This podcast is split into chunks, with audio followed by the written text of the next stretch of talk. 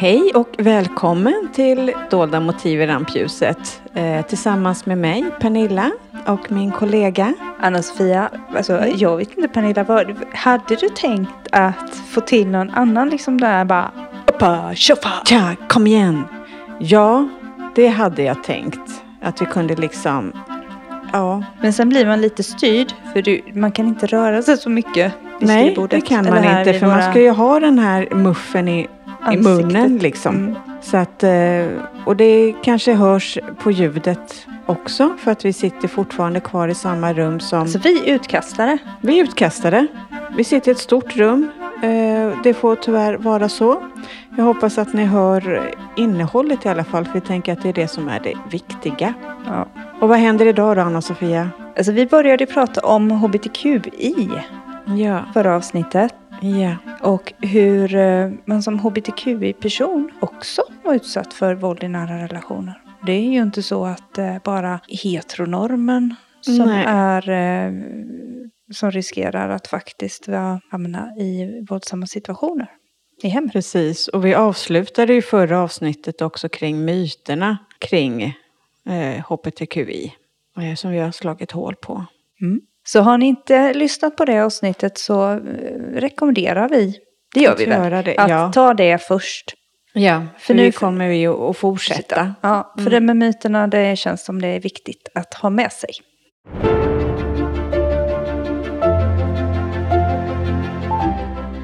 Du lyssnar på Dolda motiv i rampljuset, en podd om våld i nära relationer, producerad av Eksjö kommun.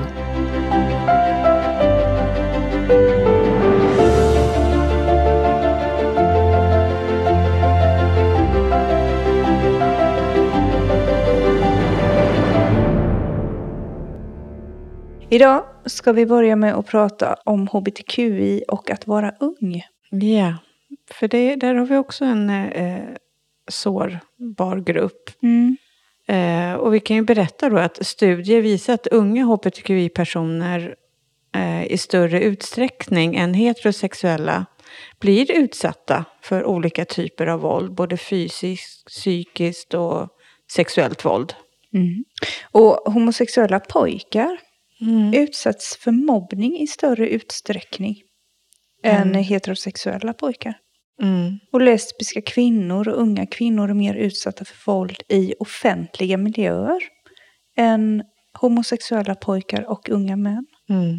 Och det är ju väldigt intressant faktiskt att eh, ta del av eh, varför det också skulle kunna vara så. Mm. Men något som också är intressant i, i förhållande till bilden som ges av unga män eh, som den mest utsatta gruppen av våld i offentliga miljöer eh, är att hbtqi-ungdomar är också fyra gånger mer utsatta för våld ifrån sina föräldrar än vad heterosexuella ungdomar är. Mm, mm. Och de här hbtqi-personerna kan vara särskilt sårbara när deras familjer inte accepterar den sexuella läggningen Mm. eh, eller könsidentiteten. Mm. Och det är ju och familjer, de är självklart i familjer, föräldrar, syskon reagerar olika. Men det kan ju allt vara från, från att de är avståndstagande Mm. till att mer aktivt utsätta Sin ungdom för... för Mm. våld. Mm. Och det kan ju vara särskilt svårt att skydda sig mot det här. Du är ju ändå i en beroendeställning till, eh, till sina föräldrar. De är vårdnadshavare, man bor hemma. Mm. Eh, Men jag tänker även känslomässigt. Ja, ja, ja. Både känslomässigt och ekonomiskt. Mm, Att, mm. och att det här är ens föräldrar Mm. som, Mm. som ska ha stått för, för den tryggheten och omsorgen Mm, under hela, mm. från födseln och så upp i Och, och då, kan, då får jag bara en tanke här nu att det, det, då blir det inte så konstigt om du har den reaktionen kanske hemifrån. Mm. Hur ska du då liksom förvänta dig att samhället ska reagera? Mm, mm. Alltså dina klasskompisar, kanske läraren eller Mm. Och, och, och bara jag, gå till skolsköterskan. ja, Alltså, och jag tänker att som, som ungdom, som ung vuxen, så är du ju så osäker själv ändå på vad du tycker och tänker och känner. Oh, och att ja. du behöver ha kanske andra att bolla det här med. Mm. Och det här kan ju bli extra skamfyllt och, inte, Mm. och man, man vet inte. Och så får man, ja, Att du, då, som jag sa, man går och bär på Mm. det själv i så fall. Och Mm, då känner mm. att du har ingen att prata med. Det kan ju också skillnad att bor du på en liten ort där man står kanske samhället väldigt nära. Alla vet Mm. vem man är, alla Mm, vet vem familjen är. Mm.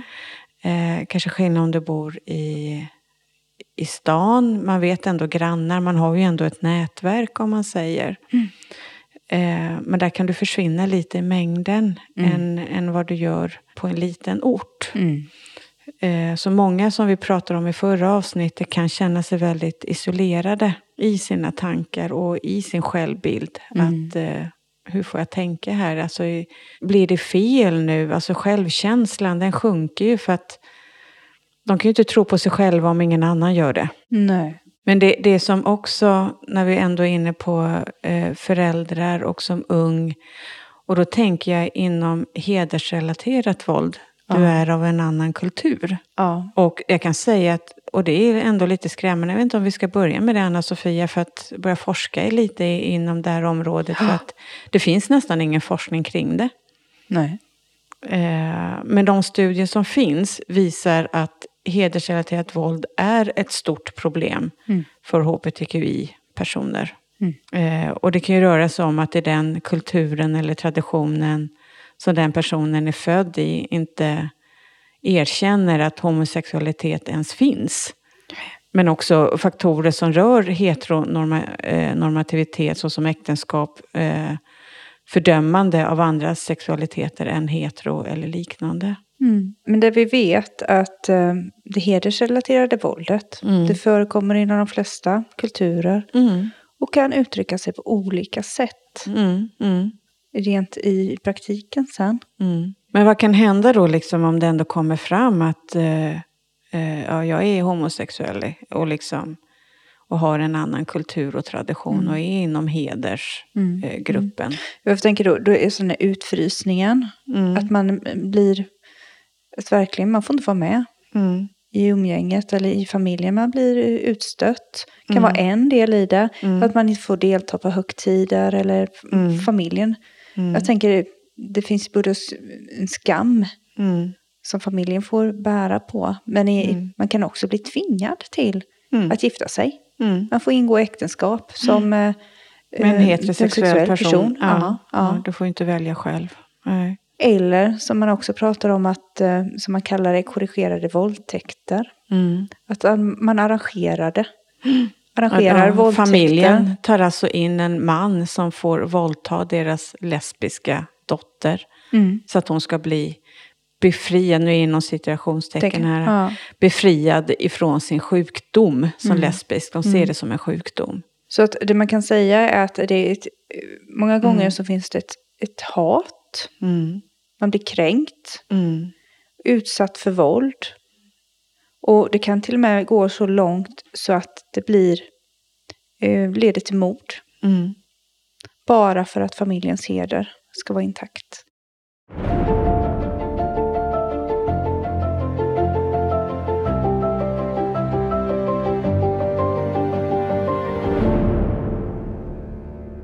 Och, och det har jag också läst och fått till mig just att män, eh, homosexuella Mm. män, eh, att det är också mycket med hedersmord.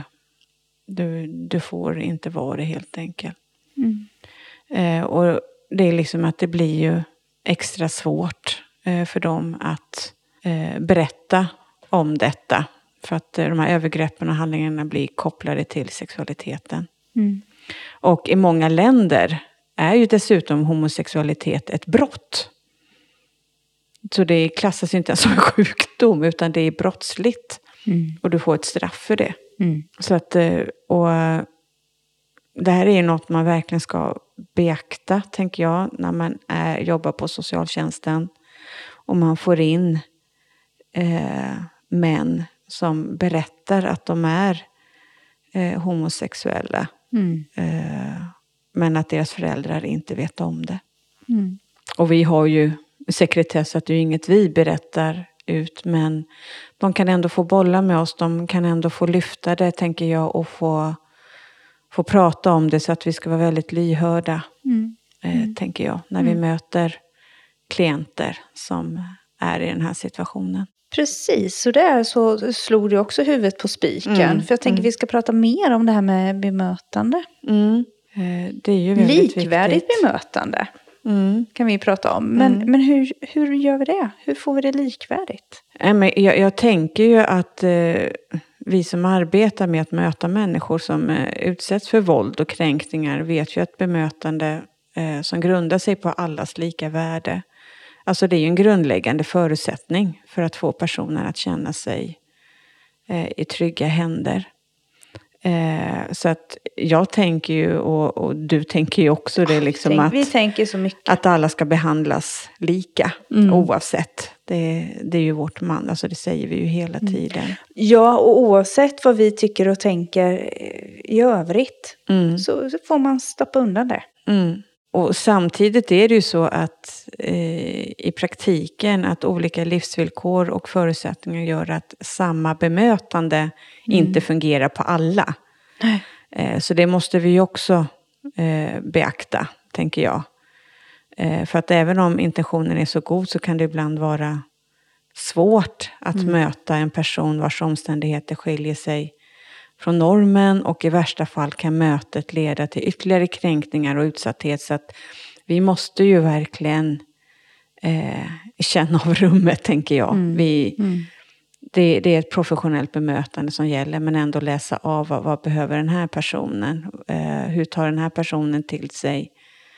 Eh, hur jag kallar den eller eh, så sätt. Så att därför är det viktigt och då är det att fråga, som vi sa innan.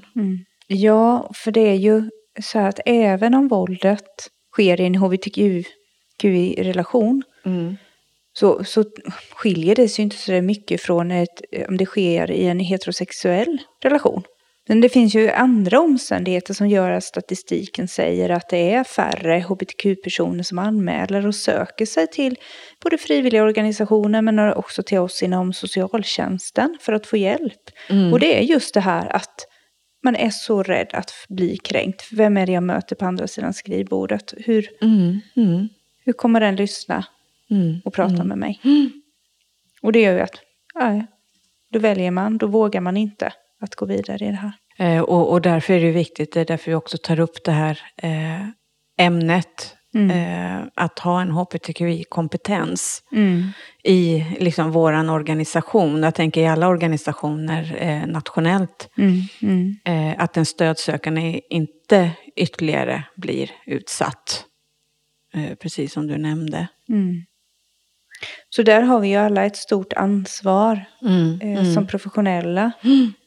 När vi tar emot stödsökande. Mm. Jo, för jag tänker det liksom att eh, ett dåligt bemötande eh, i, det- läget, när de ändå är så pass utsatta, det ökar ju deras trauma ytterligare. Ja, ja, visst. Så att eh, det ligger ett stort ansvar på den som tar emot en sökande och att man har kompetens att möta personer på individnivå oavsett omständigheter. Så oavsett var du ligger i, i HPTQI så är det ju liksom, det, det gäller att ha kunskapen eh, om det. Du lyssnar på Dolda motiv i rampljuset. En podd om våld i nära relationer. Producerad av Eksjö kommun. Så har vi något exempel, jag vet att du, du har ju redan pratat om det här, men eh, ett exempel på hur det kan se ut. Om jag, ska, jag får in en, en stödsökande till mig, vad ska jag tänka på då? Ja, det första jag tänker jag att ta reda på vad är, vad är det som hänt, alltså få, få någon ordning på situationen. Ja, det tänker jag liksom. Och, och jag tycker också att man kan använda ordet partner. Eh, och du hör ju, inlyssnar ju om, om personen säger han eller hon. Och då kan man ibland fråga inte ens vad de heter utan de får ju liksom benämna den personen och jag fortsätter använda partner. Eh, jag, jag tänker hur, hur man liksom kan göra att, ja men som du sa, ta reda på situationen, berätta vad som har hänt. Eh, fråga om händelsen är polisanmäld också. Eh, och har de varit aktuella här tidigare? Det, kommer, det, det vet ju vi i så fall om de har varit. Men man kan också hjälpa till eh, att komma ut. Mm. Mm. Och det som jag nämnde innan, lägg märke till vad, vad personen själv använder för egna ord om sin relation och använder för namn eller pronomen eller ord eh, om den som eh, personer har en relation med. Mm. Och använd dem du också. Mm. Mm. Så det gäller ju att, att vara lyhörd, Mm. att vara inlyssnande. Mm. Mm. Eh, och skulle personen ha svårt att prata om vad det är som har hänt och försök att hjälpa då genom att själv sätta ord på hens upplevelser på ett respektfullt sätt. Och som vi har, vi har ju MI eh, som vi upprepar, sammanfattar, Mm. eh, tydliggör eh, så att man är klar med vad, vad, vad menar personen och vad, vad, vad den tycker och känner. Sen är det ju också det här att se till att prata med Mm, den enskilde. Mm. Eller prata enskilt med Mm. den som eh, har blivit utsatt för våld. Mm. I det möjligaste mån. Och även om man kanske misstänker att det är någonting som, som man skulle behöva, vi kanske inte vet, Nej. ingen aning om. Nej. Men att eh, ändå få, få en liten stund själv Mm. Mm. och, och prata. Jo, för jag tänker att ibland kan de ju ha någon med sig och vi vet ju inte vem är det de har med sig. Nej. Även om de säger ja det är grannen. Mm. Eh, ta inte med dem in i rummet. Be dem sit, sitta kvar i väntrummet så att du Mm. får ta det här första samtalet själv. Mm. För som sagt, vi vet inte vem det är som, som följer med. Mm. För det kan vara den utövande partnern. Ja. Eller som har en koppling till den Mm. utövande partnern. Mm.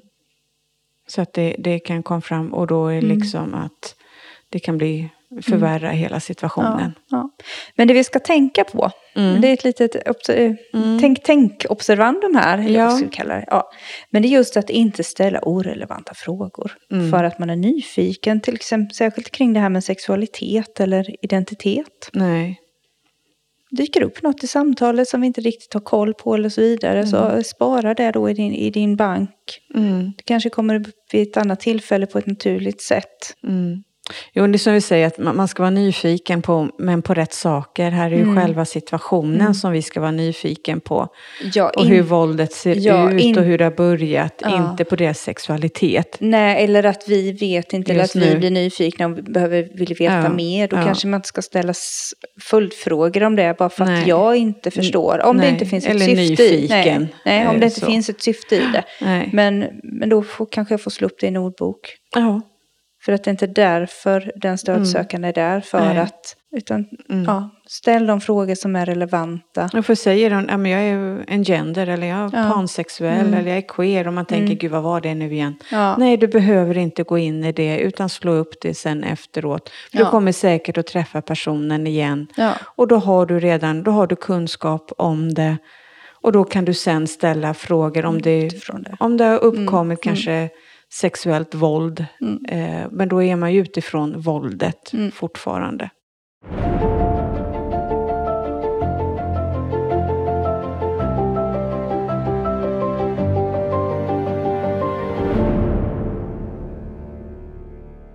Men vad, vad har vi för konkreta frågor som vi kan ställa då? Vi pratade lite kring det här. Alltså Mm, inte ta för mm. givet vad vi ska använda för begrepp. Eller eh, kring det här med att man har en, en fru eller en man hemma. Mm, utan mm, att vi mm. pratar som om partner. Och jag tänker också att man kan ställa frågan hur många är ni i relationen? Men även också det här hotar din partner med att skada dig? Eh, Det är också konkret. Eller det här hotar din partner att skada någon som betyder mycket för dig. Mm, För det kan ju mm. handla om barn Mm. eller husdjur. Mm. Och det här, är din partner svartsjuk? För då har vi ju sett att eh, svartsjuka är eh, väldigt allvarligt. Mm. Det kan bli väldigt allvarligt. Och försöker din partner hindra dig från att träffa vänner och familj? Mm. Eh, och jag tänker också att vet din familj och dina vänner eh, vilken läggning du har? Hotar han med att avslöja någonting som du inte är redo för? Mm. Eh, men har din partner knuffat eller slagit dig någon gång? Mm. Eller känner du dig trygg hemma? Om Mm. man har svårt att sätta använda begreppet ja. våld så kan man ju ta reda, tar man reda på mm. hur, hur har man det hemma? Hur, hur mm. mår man i den mm. situationen? Mm. Men även har din partner tvingat dig att ha sex mot din vilja? Och det här är ju också en sån fråga där man ibland behöver kanske ställa om frågan på ett annat sätt.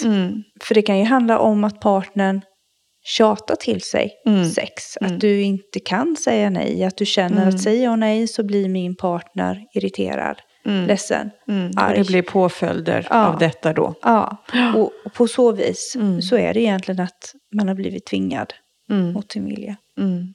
Men även tvingat dig till sexuella handlingar som du heller inte vill vara med på. Och det kan även vara, det vi pratade om innan, eh, oskyddat sex.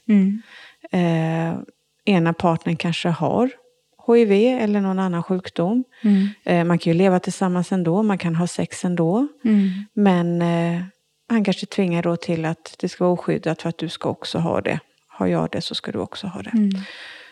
Så det, det finns många konkreta frågeställningar att ställa för att få till ett så bra möte, respektfullt möte. Och det ska vi ha med alla mm. oavsett.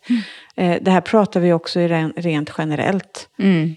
Det är inte bara för att, eh, att man är en hbtqi-person, utan det här är ju även i heterosexuella förhållanden också. Mm. Man kan bara ta bort vissa frågor så. Men ändå väldigt konkret och ställ frågor på ett respektfullt sätt. Mm. Och att vi mm. eh, alla vi hjälper alla. Och det här är ju eh, alltså egentligen tips och idéer och tankar mm. framåt mm. i vårt utvecklingsarbete. Mm. Eh, både för oss professionella inom socialtjänsten. Mm, mm. Men också hur kan vi också jobba vidare i det här? Mm.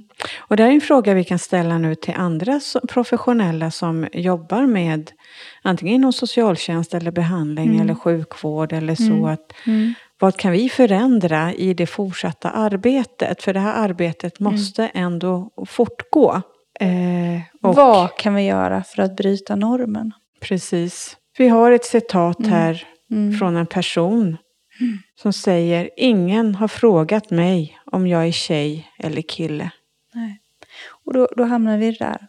Går vi på vår förförståelse? Tittar vi mm. på ett utseende? Mm. Ehm, eller vad, vad gör vi den här bedömningen på att mm. jag är tjej? Mm. Och vi, vi, kan ju ändå få in eh, att vi får in ett namn och ett personnummer. Mm. Namnet, du kanske heter Robert. Mm. Mm. Men personnumret, du ser på de fyra systrarna mm. att det visar att biologiska könet är en tjej. Mm. Där har du ju en mm. sak du kan, man mm. kan titta på och mm. det öppnar ju upp. Mm. Att man kan säga hej Robert. Eh, så. Och sen får det komma naturligt, tänker jag. Men ta gärna med er de här frågorna ut. Mm. Ta med ni, kom, den ni dit kommer du befinner dig. Ni, ni kommer hitta det här på vår hemsida om de här frågorna.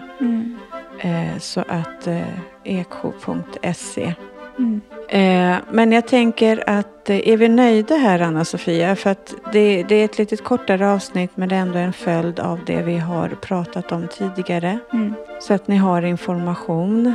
Ja. Eh, och vill ni ha mer information eller som en liten utbildning så kan vi i alla fall i Eksjö kommun kan vi komma ut och gärna prata om det. Mm. Och det är så, vi vet aldrig. Det kanske dyker upp ett tredje avsnitt mm. där vi har mm. gjort en fördjupning eller vi har fokuserat mm. på något mm. lite speciellt. Vi har ju haft Kärleken är fri mm. Eh, en vecka här i Eksjö som var väldigt bra uppslutning av. Eh, många fina intervjuer och, och sådär som det är väldigt kul när det blir även uppskattat i en liten stad här som Eksjö. Ja, så är det. Många ideella fina krafter. Japp. Men jag tänker att nu tackar vi, vi för oss idag för oss. Ja. Mm. Och nästa gång, det vi säger bara på återseende för det blir kanske en hemlighet vad vi ska prata om. Vi är inte riktigt färdiga där ännu. Nej, det är fortfarande en liten verkstad i det. Ja, mm. ibland tar vi lite vad som kanske har hänt, att vi behöver lyfta. Mm. Eh, så. Eller så blir det planerat. Vi får se. Ja. Men ha det gott där ute och ha det gott Ja. du Pernilla. Detsamma till dig Anna-Sofia och tack för att ni lyssnar på oss. Hej så länge. Hej då!